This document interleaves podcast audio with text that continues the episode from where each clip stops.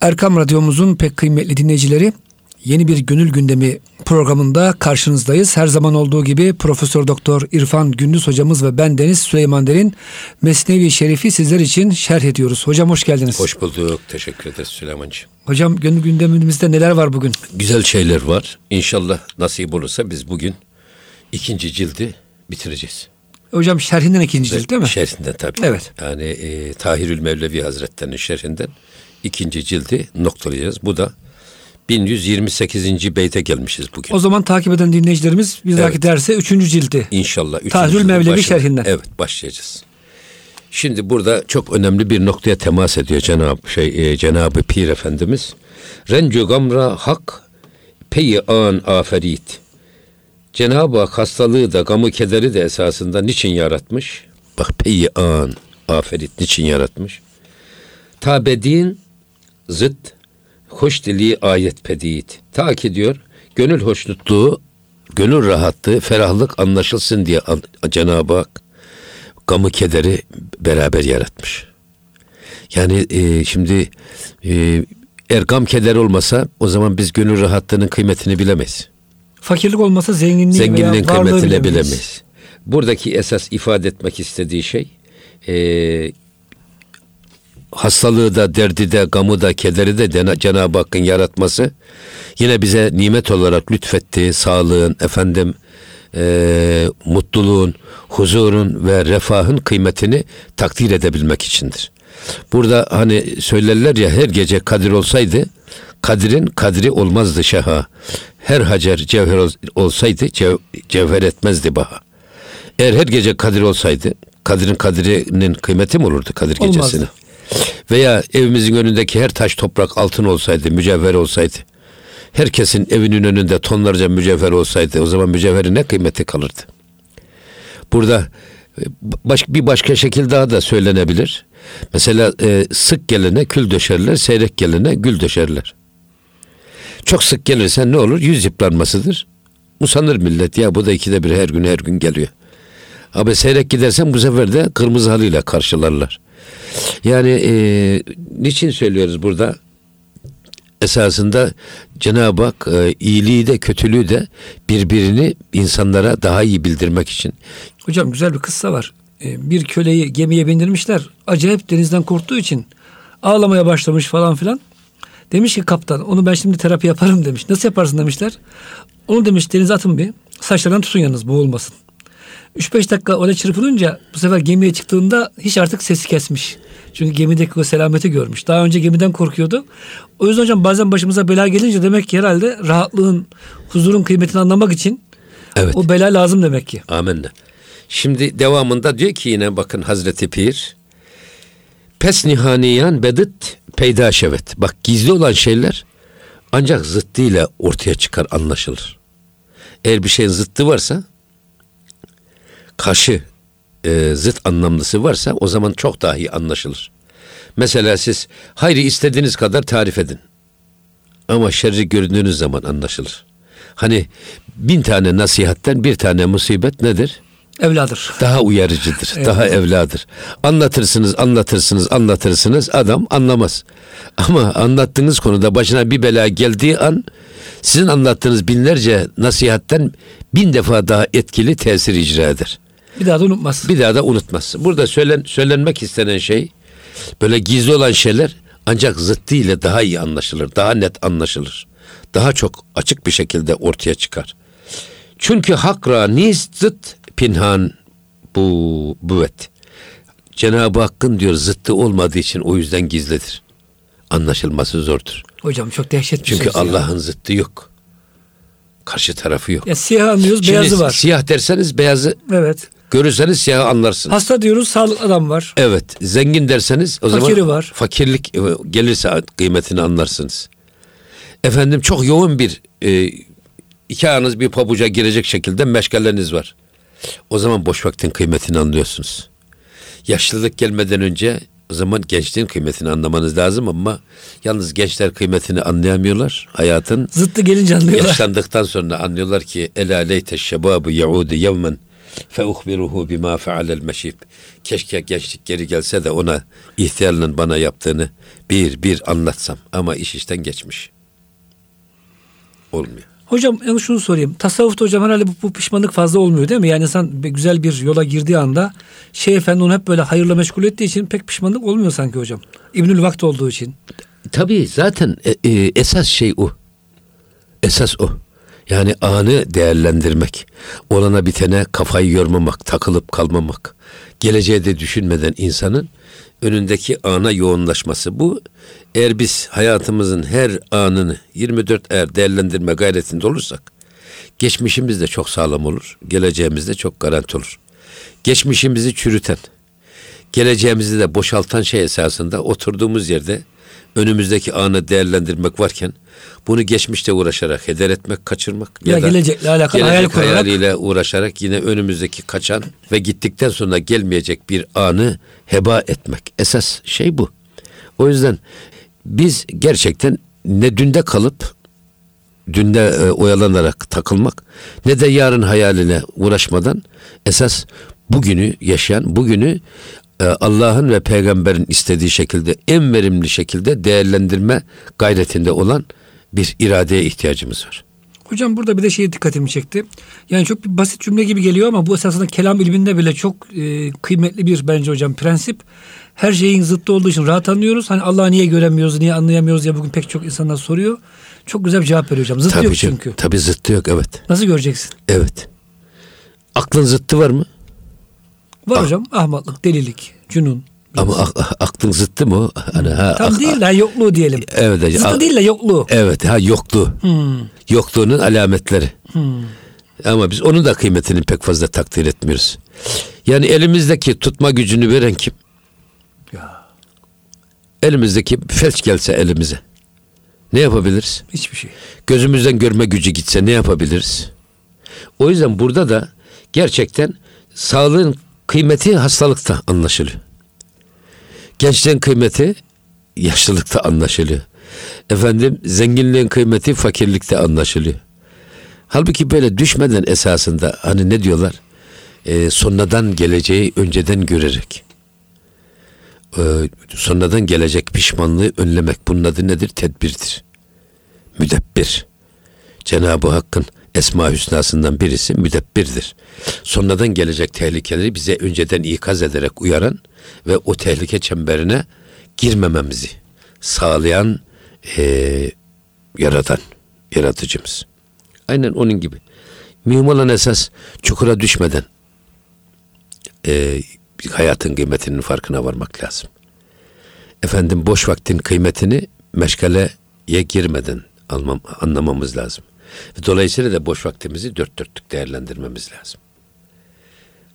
Bunu devam ediyor. Yine devam ediyor bakın Hazreti Mevlana yine aynı konuyu daha iyi anlaşılsın diye. Diyor ki ki nazar ber nur büvet angeh berenk. Ki eğer diyor e, nazarımız renge üzerinden nur varken rengin farkına varır. Nur olmazsa rengi ayırt edemeyiz.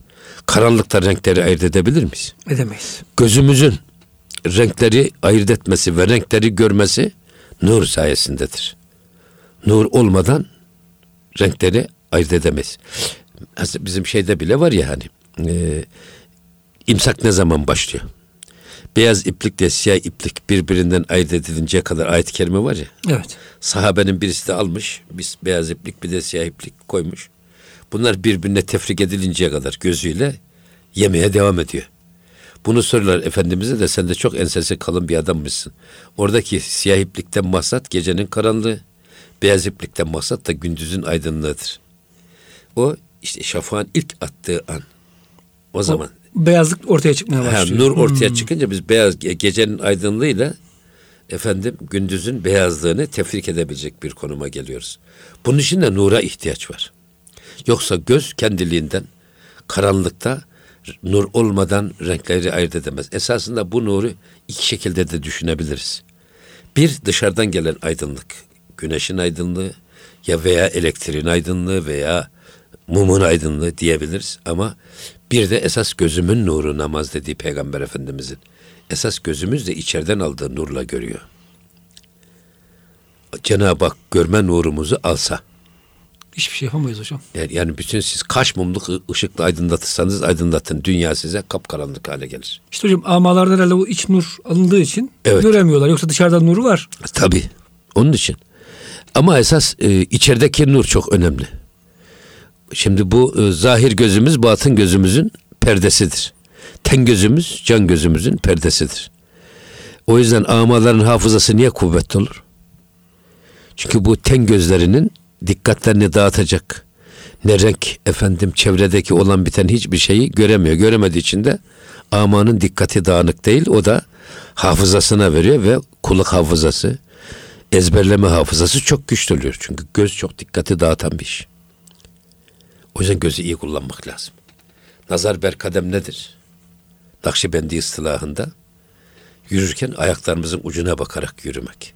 Sağ solda gezinirsek gözümüzün gördüğü alan ne kadar genişse O kadar dikkatimiz dağılıyor. dikkatimizin e, dağıldığı alan da o kadar geniştir. Eğer biz aklımızı başımıza toplamak istiyorsak, enerjimizi depolamak istiyorsak, bir noktaya yoğunlaşmak istiyorsak bunun yolu gözümüzün alanını daraltmaktan geçer. O yüzden mesela e, hafızlık eğitimi yapılan Kur'an kurslarında gece atmosferinde mekanlar oluşturulur. Loş, efendim sessiz, dışarıdan gürültü almayan Camları küçük, Efendim, duvarları kalın. Evet şeyler olur ki orada insan o loş atmosferde sanki gece iklimindeymiş gibi gözünü meşgul edecek bir şey olmaz. Dikkati dağılmaz. Kulağını tırmalayacak ses olmadığı için kulak da dikkati dağıtmaz. Göze ve kulağa giden enerji gönle giderek, beyne giderek insanın hafızası, ezberleme yeteneği daha güçlü hale gelir. Hocam bu eski camilerimizin de büyük e, efendim duvarlı kalın duvarlar var. Bahçe duvarı. Bahçeleri büyük ki dış alemle ilişkiniz kesiliyor. Şimdi hocam yeni yapılan bazı camiler oluyor böyle. Şehrin merkezinde camdan gözünü açınca çamaşır seren bir hanım görüyorsunuz. Çok o da yani trajikomik maalesef. Şimdi ya Dikkatini şey- toparlayamıyorsunuz. İşte Süleyman'cığım tabii bu mabetlerin e, bir e, mabet psikolojisi diye bakmak lazım. Mimari psikoloji açısından. İster sinagog, ister kilise, ister cami. Bunlar e, Hristiyanları, kiliseler dünyadan koparıp Allah'a döndürmek isteyen mekanlar. Yahudilikte sinagoglar. Aynı şey yapıyor. Aynı şekilde camilerde de e, Müslümanları dünya işlerinden koparıp Allah'a yönlendiren, yönelten mekanlar. Bu psikolojiyi vermesi lazım. Şimdi bizde bir adam evde tek başına namaz kılarsa kendi evinde bir derece sevap alır. Cemaatte kılarsa 27 derece daha fazla sevap alır. Neden? Ya evde en fazla insanın dikkatini ve enerjisini dağıtacak alaka yoğunluğu evinde olur. Telefonu var, kapı zili var. Telefon çalıyor, efendim Evet. kapı zili çalıyor, hanım bağırıyor, çocuklar, Çocuklar ağlıyor. bağırıyor, efendim torunlar geliyor, ayağınızda dolaşıyor. Hiçbir şey olmasa torunlar gelmiş, ev duvarı çizmişler. Bir sürü para vermişsin, boya badana yaptırmışsın, duvar lekelenmiş. Veya halıya bir şey dökmüşler filan. Bütün bunların hepsi insanın dikkatini dağıtıyor. Hanım mutfaktan çağırıyor, sen namaz kılıyorsun. Ha, önce bir defa bu en fazla ilgi ve alakalarının yoğun olduğu yeri evi terk ediyorsun. Evden çıktın, mahalleyi terk ediyorsun. Nereye doğru? Camiye doğru. Camiye geldin, hemen camide içeriye sokmuyorlar. Orada bir caminin güzel peyzajla düzenlenmiş bir avlusu var. Sanki dünya ile ahiret arasında berzah gibi. Cennetten de geçer. Ara biraz. geçit gibi, ara namesi gibi burayı geçiyorsunuz. Camiye de hemen sokmuyor. Orada o camiyi yaptıranların ya da mahallenin eşrafının me- e, metfun olduğu kabirler var. var. İşte giriyorsun Fatih Camisi'ne orada efendim Sultan Muhammed Fatih'in türbesi var. İşte bakıyorsun o zaman Allah Allah. Bu padişah Ben mi, ölmüş. yani e, ben mi dünyada yaşamaya daha çok layığım yoksa Kanuni ya da Fatih Sultan Muhammed Han mı? O hazireyi görerek hiçlik mesajıyla camiye adımınızı atıyorsunuz. Girerken sağ ayağınızla giriyorsunuz. Ha, attığınız adımı bilerek camiye giriyorsunuz bak. Hep şuurla. Sağ, ayağı, sağ ayağımla mı attım, sol ayakla mı attım?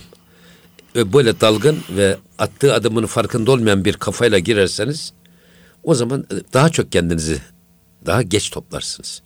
Ama camiye giriyorum ben sağ ayağımla girmem lazım diyorsanız aklınız başınıza giriyorsun. Girdiniz. Hemen sizi farza durdurmuyorlar. Ne yapıyorlar? Sünnet kılıyorsunuz. Yine bir hazırlık biraz daha. O biraz daha hazırlık. Ondan sonra sünnet kılındı. Müezzin çok güzel bir üç ihlas okuyor. Sonra güzel bir de kâmet getiriyor. Mesela buna bazı böyle e, kendini bilmez müftüler falan çıkıyorlar. Bunu yasaklıyorlar bir de üstelik. Halbuki bu esasında bizim Osmanlı ulemasının namazda okuduğu Kur'an-ı Kerim'in, Fatiha'nın Zamm-ı suresinin manasını bilmeyen bir teba. Ama bu tebaanın farz namaza miraç gibi çıkması için ne lazım? Tüylerinin diken diken olması lazım. Kalbinin kıpır kıpır yerinden oynayacak bir iklimde bulunması lazım. Onun için müezzin çok güzel bir ihlas okuyor. Sonra kalkıyor çok güzel bir kamet getiriyor. Bunların etkisiyle adam böyle tüyleri diken diken olan, kalbi kıpır kıpır oynayan bir haleti ruhiyeyle kalkıyor. Farz, namara, farz namazına duruyor. Fatiha, zamm-ı sure bizi işte kıyam, kıraat, rükû, sücud. Secde, secde bizim Allah'a en yakın olduğumuz an. Ta evde abdest aldığım, abdest almaya başladığımız andan itibaren camiye gelişimiz ve işte bütün sünneti kılışımız, Fatiha, Zamm-ı Sure ve rüku hepsi o secdedeki miraç havasına girmek için yapılıyor. O zaman hocam 27 kere sevabı alıyorsunuz. Alıyorsunuz ve bunun için de camiler bu mimari psikolojiyi verebilecek bir yapıda. Mekanda, yapıda olmalı. Mesela dışarıdan e, dikkati dağıtacak ne gürültü, ne ses, ne görüntü olmayacak. Camilerin pencerelerinden göremezsiniz siz dışarıyı. Çok aydınlık da olmayacak, çok karanlık da olmayacak. Gürültü olmayacak. Ama şimdi bakıyorsunuz modern mimari diyerek camlı camiler yapılıyor ve siz namaz kılarken dışarıda gezenleri seyrediyorsunuz. Maalesef hocam. Ondan sonra nasıl bu adam kendi içine dönecek de Allah'a yönelişini hızlandıracak yani. ve güçlü hale getirecek. Yani. Evet. Eyvallah hocam. Buyurun hocam bir beyt Yine alalım. devam ediyor. Hı. Bakın. Söyledik ya biz yani insan gözü nur ortaya çıktıktan sonra ancak renklerin farkına varır. Devam ediyor. Zıt bezıt peyda büvet. Çün rumu zenk. Zıt zıttıyla ortaya çıkar. Ki mesela bir e, beyaz insanla zenci bir adam. Esmer insanla beyaz bir insan ancak birbirlerini çok daha net gösterirler. Herkes beyaz olsa biz beyaz insanın kıymetini bilemeyiz. Ya da herkes esmer olsa esmerler de esmerin kıymetini bilmez. Ancak işte esmer beyazı, beyaz da esmer insanı gösteriyor. Aynen bunun gibi söylüyor. Ama bu da neye bağlı? Bu da bak nurun ortaya çıkmasına bağlı. İki nur dedik biz. Bir tanesi dışarının aydınlanması. Aydınlıkta biz görürüz. Renkleri ayırt ederiz. Zenci mi, sarışın mı, beyaz mı? Ama bir de esas Allah gözümüze o gözmen nurunu şey yapmasın, almasın. Gözümüze o nuru veren kim? Bir de gözümüz o nurla görüyor. O nur olmasa biz hiçbir şey göremeyiz. Şimdi devam ediyor. Pes bezıttı nur danisti tu nur. Sen işte nurun zıttıyla ancak nuru görürsün, nuru bilirsin. E, dıttı dıtra hani zıt zıtra mi numayet der. O yüzden zıt zuhur ederek kendi zıttını gösterir. Yani işte be, beyaz siyahı gösterir. Gözümüze sokarak anlatır. Efendim işte hastalık sağlığımızı ya da sağlık hastalığı gösterir. Gençlik ihtiyarlığı ve ihtiyarlık gençliği gösterir. İşte burada e, Cenab-ı Hak e, bizim işte zıttını görerek iyiliklerin kıymetini bilen kul olmayı nasip etsin Allah. Hocam burada çok güzel aynı sizin dediğiniz sözü takip ettiriyor. E, Avni Konuk şerhinde. Nitekim Hazreti Lokman'a edebi kimden öğrendin diye sormuşlar. Edepsizden öğrendim cevabını vermiş. Evet. Edepsize bakıyorsunuz yaptığı kötülüğü siz hocam tekrar bir etmeye edepli insan oluyorsunuz. Yani dediğiniz gibi manevi konuların da zıttı var. Ahlaklı ahlaksız. Amenna tabii canım ya. Burada bir insan kendisine yapılmasını istiyorsa başkalarına yapacak. Kendisine yapılmasını istemiyorsa başkalarına yapmayacak. Müthiş bir empati var burada. Hocam bu sözü de burada bırakalım ama devam edelim. Bu çok evet. ciddi bir psikolojik hocam tahlili gerektiriyor bence evet. bu cümle. Muhterem dinleyicilerimiz e, Gönül Gündemi'nin ilk bölümünü böylece bitirmiş olduk. Lütfen bizden ayrılmayın. İkinci bölümde buluşmak üzere efendim. Erkam Radyomuzun pek kıymetli dinleyicileri Gönül gündeminin ikinci bölümünde sizlerle beraberiz. Radyosunu yeni açan dinleyicilerimiz için hatırlatayım. Profesör Doktor İrfan Gündüz hocamız ve ben Deniz Süleyman Derin Mesnevi Şerif'i sizler için şerh ediyoruz. Hocam çok güzel bir cümle söylediniz. Orada kaldı şeyimiz. Evet. Kendimiz için istediğimizi başkası için de isteyeceğiz. Belki hocam bugün yani hakikaten bu prensibi koysak bütün insani ilişkilerde, sosyal ilişkilerde tek başına hocam zaten başka başka hiçbir şeye gerek yok. Ee, herkes buna göre değerlendirse kendi harekatını, sekenatını. Aile içindeki harekatımızı, iş Tabii hayatımızı. Biz e, böyle kum kentinde şeye gittik. İran'da. Orada bir dört mezhebi birleştirme cemiyetinin başkanı var. Ayetullah Cenneti diye bir zatı muhterem. Bizde bizim milletvekilleri filan var heyetimizin içinde. 10-12 kişi. Adam başladı müt'a nikahının faziletinden bahsetmeye başladı alakasız bir şey yani. Ondan sonra bir de bu telefondan şey çıkarttı ve atuhunne ucurahunne ayet-i kerimesini okudu. Bunun üzerine biz bazı arkadaşlarımızın hoşuna gittiği için bu. Erkeklerin de hoşuna gider Onlar belki hoş, biraz. On, hoşlarına hmm. gitti. Bunun üzerine ben dedim ki ya Cenab-ı Ağa'yı ayetullah. Madem öyle dedim ben 6 aylığına İran'da kalacağım. Sizin kızınız da. yani kızınız var mı? Bacınız var mı? E, var. Onlardan hangisini bu 6 aylığına nikahlama imkanı verirsiniz? Olmaz zinhar dedi. Kendin için istemediğini zaman, başkası için o, istiyorsun. O zaman dedim siz kendi kızınıza ve kendi bacınıza uygun görmediğinizi nasıl millete böyle sizi tavsiye ediyorsunuz o zaman? Ve diyorsunuz ki ya bak bu müteah nikahı toplumda zinayı, zinayı e, yaygınlaştırmadan korudu. Efendim gençleri zinadan alıkoydu diyorsunuz. Ya bu zinanın e, bir tek gençler erkekler değil ki kadın tarafı da var, kız tarafı da var. Onlar ne oluyor peki? Öyle deyince bozuldu adam. Hani o yüzden biz burada e, eğer kendimize şey iğneyi batıracağız ya da hatta çuvaldızı kendimize batıracağız iğneyi başkasına. O yüzden buna ne diyorlar? Duygudaşlık diyorlar. Buna empati diyorlar. Biz bize yapılmasını istiyorsak herkese yapalım. Ama bize yapılmasını istemiyorsak hiç kimseye yapmayalım. Hocam fetva verirken dahi bu da geçerli değil Amenna, mi? Amenna tabii. Eyvallah. O yüzden zaten fetvayı müftiye sorma. Gönlünü sor diyor Peygamber Vicdanınıza sorun, kalbinize ya. sorun diyor. İstefti kalbek. Kalp hiç yalan söylemez. Hiç, hiç kimse hocam kızına, kardeşine, akrabasına mutlaka evet. nikah yapılmasını istemez. O zaman başkasını düşünmeyeceksin. Eyvallah. Evet. Şimdi devam ediyor. Yani bunu başka misaller verilebilir. Şimdi aklımıza nereden geldi bu? Yani kendimize layık görmediğimiz bir işi hiç kimseye yapmayacağız. Ölçü bu.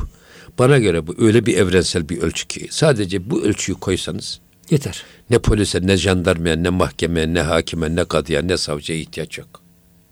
Herkes bu empati yapmayı öğrense de kendi hareket alanını kendisi belirlese toplumdaki e, huzuru hiç kimse bozamaz. Kendiliğinden huzur gelir ve yaşanır. Evet. Şimdi devam ediyor. Nuri hakra nist dıtti der vücut. Şimdi varlıkta Cenabı Hakk'ın zıttı olmadığı için Bak nuri hakra nist zıtti der vücut. Hakkın nurunun dışımızda, varlıkta bir zıttı yok. Ta bezıttı uğra tuan peyda numut. O yüzden zıttı, zıttı yoktur ki o zıt ile nuru aşikane görülebilsin. Açıkça görülebilsin. Yok. Cenab-ı Hakk'ın gizliliği, görünmezliği ve bilinmezliğinin hikmeti zıttının olmayışındandır.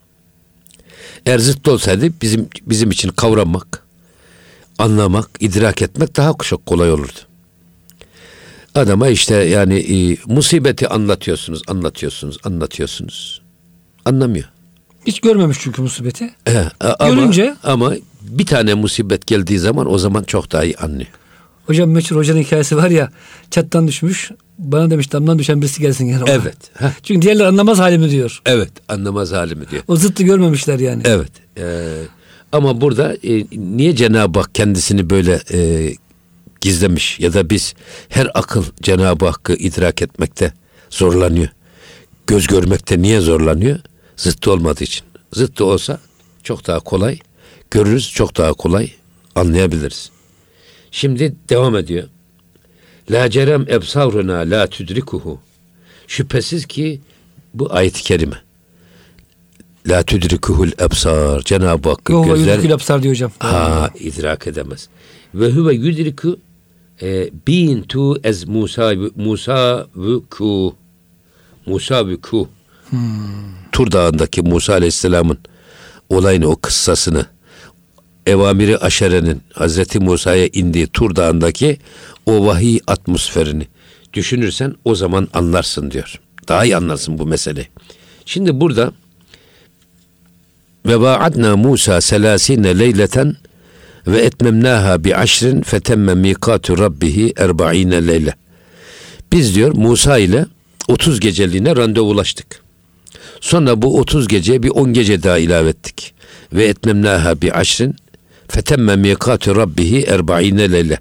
Musa ile Rabbinin randevusu 40 geceye balik oldu. Bu halveti erba'in dediğimiz. Oradan çıkıyor değil mi hocam? Hani e, halvetin 40 gün süreli olmasının hikmeti budur. Sonra e, felemma e, cae Musa li mikatina. Musa bizim randevumuza geldiğinde ve kellemehu rabbuhu. Hazreti Musa Rabbi ile konuştu. Ne dedi ona? E, erini gale Rabbi erini enzur ilek. Ya Rabbi sen kendini bana göster de seni bir seyredeyim. Velakin unzur ilel cebeli. Ya Musa sen şu dağa bak. Fe in istakarra mekanehu eğer o da yerinde sabit kalırsa fesevfe terani sen beni o zaman görebilirsin. Felemma tecella rabbuhu Musa'nın Rabbi dağa tecelli ettiği zaman cealehu dekken dağı darmadağın oluverdi. Ve harra Musa sayka bu dehşetli tecelli karşısında Musa kendinden geçti, bayıldı ve yere yığıldı. Felemma efaka Sonra ayıldığında, kendine geldiğinde. Kale Sübhaneke tubtu ileyke ve ene evvelül müminin. Sana tövbe ediyorum ya Rabbi. Bir daha böyle bir talepte bulunmayacağım. Sana inananların azametine, büyüklüğüne, kudretine inananların ilki benim. Şimdi burada bunu esas e, ifade etmek istiyor. Şimdi görmek başka bir şey, ihata etmek başka bir şey. Şimdi Cenab-ı Hakk'ı gözler görebilir ama yalnız ihata edemez. İdrak dediğimiz hocam ihata manasına mı Tabi hmm. ihata edemez. Bütün künhüyle anlayamaz. Bütün künhüyle kuşatamaz. Bir tecellilerini belki biraz ancak, görürüz. Ancak hmm. belki bir, iki, üç tecellisini görebilir ama bütünüyle onu ihata edemez. Buradaki görmek başka bir şey. Onun kudretini kavramak, azametini idrak etmek daha başka bir şey. Hatta bu şey de var. Biz her sabah namazından sonra okuduğumuz. Lev enzelna hazel Kur'ane ala cebelin. Eğer biz bu Kur'an-ı Kerim'i bir dağa indirseydik. Lera'eytehu haşi'an mütesaddian min haşyetillah. Allah'ın azametinden, Allah korkusundan dolayı o dağların darmadağın olduğunu görürdünüz. Ve tilkel emsalü nadribuha linnâsi leallehum yetefekkerun. Böyle işte bak zıtlarını göstererek biz darbu meselelerle bunu teşbihlerle, benzetmelerle çok daha iyi anlayasınız diye size teşbihler getiriyoruz. Daha örnek gösteriyor. Daha Ey örnek insan göster- sen niye sen hareket ha, sen- etmiyorsun? Sen, de bak dağlar darmadağın olurken sen nasıl şey yapıyorsun? Hani, Duygusuz. e, gelmiş velinin birisine demiş ki ben üç günde bir Kur'an-ı Kerim hatmettim deyince çatlamadın mı demiş. Ya. Nasıl tahammül ettin? Bak daha dayanmamış, paramparça olmuş. Bunu hem Hazreti Musa ile Tur Dağı'nda görüyoruz. Hem Haşr suresinde Lev Enzelna'da bunu anlatıyor Cenab-ı Hak. Ömer Efendimiz zaman zaman ayetleri okurken düşüp bayılıyor. Evet. Günlerce hasta yattı. İşte aynı bak demin söyledim bak bunu böyle bir empati yaparak bizim Kur'an-ı Kerim'i böyle okumamız lazım. İmam-ı Gazali diyor ki bak İmam Malik Hazretleri Kur'an-ı Kerim okuyacağı zaman ben Allah'ın kitabını okuyacağım. Onun için tertemiz olmam lazım. Sade abdest almıyor, gusül abdest alıyor. En güzel elbiselerini giyiniyor. En güzel kokularını sürünüyor.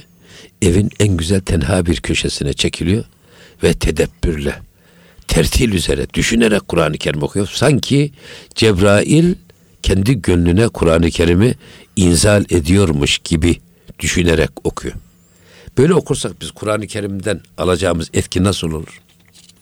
Ya da biz Kur'an-ı Kerim'de ya işte bu gazete gibi yatarak da okursun, oturarak da okursun, abdestin olsa da okursun, olmasa da okursun. Böyle diyen bir adamın okuduğu Kur'an-ı Kerim'den alacağı etkileşimle İmam Malik gibi böyle düşünerek okuduğu Kur'an-ı Kerim'i okuyan bir adamın Kur'an-ı Kerim'den alacağı etkileşim bir olur mu? Onun için işte bu teşbihleri ne diye getiriyor? Konuyu biz çok daha iyi anlayalım diye. Hocam sanki şunu mu anlayacağız buradan? Yani Allah'ın zatını görmek mümkün değil ama onun tecellisi, kelam tecellisi Kur'an'da. Vallahi tecelli, Onu anlamaya çalışalım. ama tecellisini de hep bütünüyle ihate edemeyiz belki. Yine biz. demeyiz hocam şüphesiz ama Amen, aha. en azından hocam yani Amenna. Allah'ı görmek iddiasında olmak yerine kelamını oku, anlamaya çalış. Amenna. Ya bir şimdi. Süleyman'cığım şimdi ya ben bakıyorum. Bazen böyle şey getiriyorlar işte bir resim getiriyorlar işte neymiş bir bal peteği bir tarafında Allah yazılı bir tarafında Muhammed yazılı bu Yani. bir mucize diyorlar. Ya yazmasa o mucize yok mu onlarda? Arının kendisi mucize. Kendisi mucize. Balın ya. kendisi mucize Balın hocam. kendisi mucize. Gözümüzün kendisi mucize, elimiz mucize. Derimiz mucize, dilimiz mucize, kulağımız mucize, saçımız mucize. Hocam arılar yönetmek için bize yetki verseler herhalde bir bin tane İmam- memur İmam- kullanırız. İmam Hatip'te Evet. bizim bir e, dördüncü sınıfta bir hoca gönderdiler. Köy enstitüsü mezunu. Adam özel olarak gönderilmiş İmam Hatip'e. Ateist. Biyoloji dersine geliyor. Bizi ateizme hazırlayacak. Adam geldi. Yakışıksız da bir adam böyle kulakları kocaman filan bir tip bir adam. Çocuklar Allah var mı? E, var dedik biz. O zaman dedi şeker isten versin size dedi. O bu sefer kendi bir de benden isten dedi vereyim dedi. Cebine doldurmuş 250 gram şeker bize caka satıyor. Gözümü ver, kulağımı ver desene o zaman hocam. ben kalktım dedim ki hocam dedim böyle şekerciden gidip 250 gram şekeri cebe doldurarak caka satmak gayet kolay. Dedim ya dedim bir göz yapın dedim bir göz. Aklınızı gösterin be. Efendim bir el yapın bir parmak yapın. Bir saç yapın.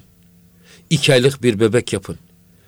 Bütün dünya bir araya gelsin. Sinek Gelmiş ve hocam. Gelecek her şey. hocam. Gelmiş geçmiş bütün alimler, fabrikalar bir araya gelsin.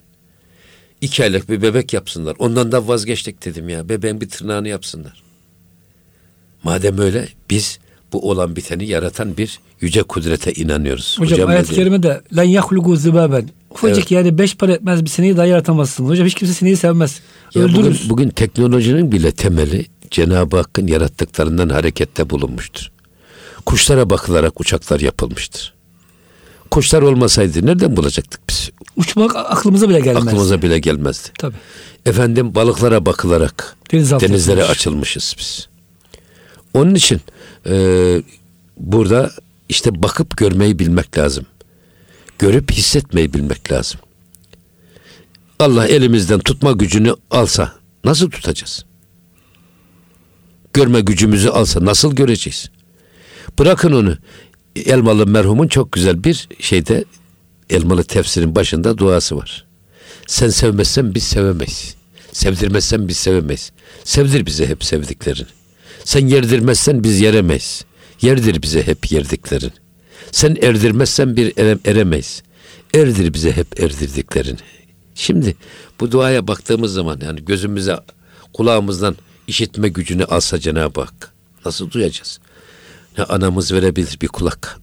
Bu herkesin iki kulağı var değil mi? İki gözü var. Bir göz lazım olsa bize de annemizden istesek, babamızdan istesek kimse birisi diğerine gözünü bile vermez. Ama Cenab-ı Hakk'ın o kadar ikramı, eltafı bol ki hiçbir karşılık beklemeden bize iki göz vermiş, iki kulak vermiş. El vermiş, ayak vermiş, sağlık vermiş, afiyet vermiş. Bunların kadri kıymetini iyi takdir etmek lazım. Ve bunların kadri kıymetini takdir de kaybolduğu zaman ortaya çıkıyor. Kaybolduktan sonra herkes takdir eder. İş kaybolmadan bunun takdirini yapmak. O zaman bir manası oluyor hocam. O zaman bir kıymeti Yerli yerinde kullanıyorsun. Tabii. O zaman bir kıymeti oluyor. Yine devam ediyor burada bakın. Ee, Suret ez manaçu şiir ez bişedan. Bak e, suret ile manayı diyelim ki şekil ile manayı esasında ormandaki e, aslan gibi bil. Bak orman hangisi? Orman hangisi? Mana. Burada suret hangisi? Arslan. O nereden kaynaklanıyor? Manadan kaynaklanıyor. Suretin kıymeti mana ile ortaya çıkar. Ve suretlerin doluluğu ya da boşluğu içinde taşıdığı mana ile ölçülür. Bu yüzden diyor ki e, ya çu avaz avazu suhan zi endişedan.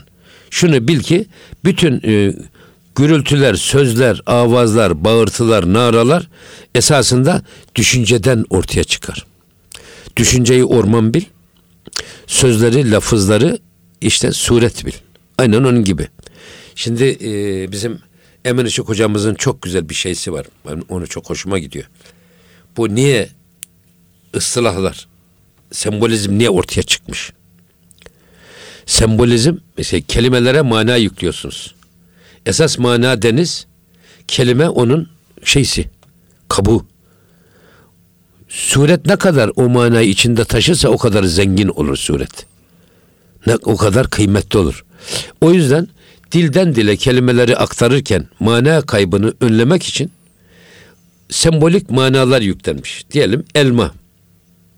Elma bir şeysi var. E, gerek bizim edebiyatımızda, divan edebiyatımızda, Arap edebiyatında ve Batı edebiyatında şehveti temsil eder elma. Kadın yanağıdır. Efendim, e, o yüzden elmayı bu şekilde eğer yüklerseniz, eğer şehveti yüklerseniz, bunu siz ister apple deyin, ister elma deyin, ister alma deyin, ister tüffah deyin. Dilden dile naklederken aradaki mana kaybı ortadan kalkar.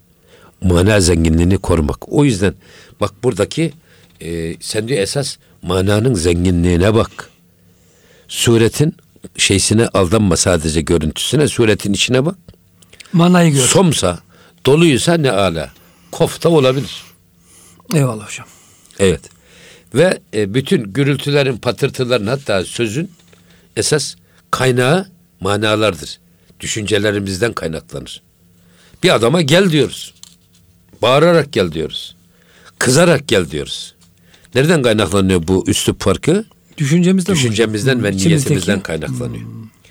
Bazen çok sevecen konuşuruz. Bazen çok kızgın konuşuruz.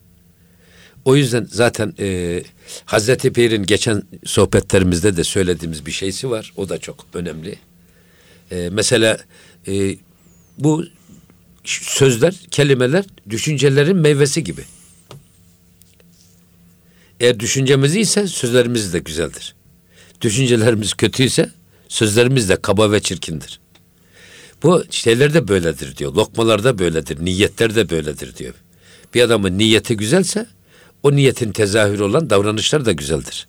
Niyeti bozuksa bu bozuk niyetin tezahürü olan davranışlar da kötüdür.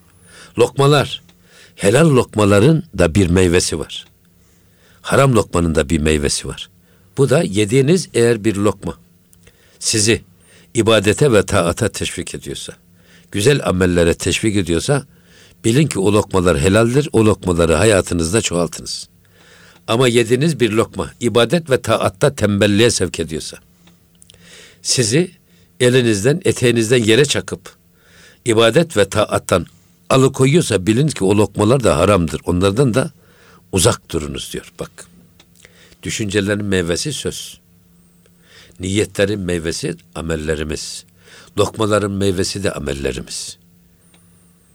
O yüzden biz hem lokmamıza hem niyetimize hem de sözlerimize ve o sözleri şekillendiren düşüncelerimize dikkat etmemiz lazım. Hocam o yüzden sufiler hüsnü zan diyorlar, güzel düşünce diyorlar.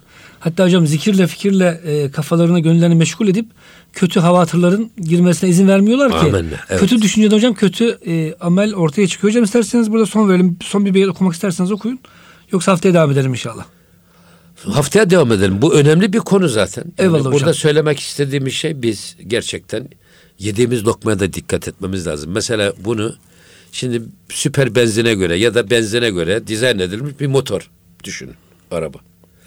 Son model sıfır almışsınız ya diyorsunuz ki kardeşim şu benzinle çalışmasa da. Balla çalışsın. Balla çalışsa ya da şeker eritsek de şekerin suyu tatlıdır. Onu koysak da çalışsa. Ne olur? E, koyuyorsunuz yatak yakıyor ve Araba bozuluyor. kullanılmaz hale geliyor. Evet. Demek ki Cenab-ı Hak da insan bedenini bak e, helal rıza, rızka göre dizayn etmiş. Pozitif düşünceye göre dizayn etmiş. Güzel düşünceye göre dizayn hmm. etmiş. Efendim güzel niyete göre, hüsnü niyete göre hmm. dizayn etmiş. O yüzden biz de hayatımızda niyetlerimizi, lokmalarımızı, düşüncelerimizi tasih ederek Hayata güzel niyetle başlamak, güzel duygu, duygu ve düşüncelerle başlamak ve tabii bunların tezahür olan güzel amellerle hayata başlamak kadar kurtarıcı bir formül yok. Hocam bu duygu ve düşüncelerle programı bitiriyorsa çok teşekkür ediyoruz. Hakikaten çok güzel nasihatler oldu. Muhterem dinleyicilerimiz Gönül Gündemi'nin burada sonuna gelmiş olduk. Bir sonraki programda buluşuncaya kadar hepiniz Allah'a emanet olun efendim.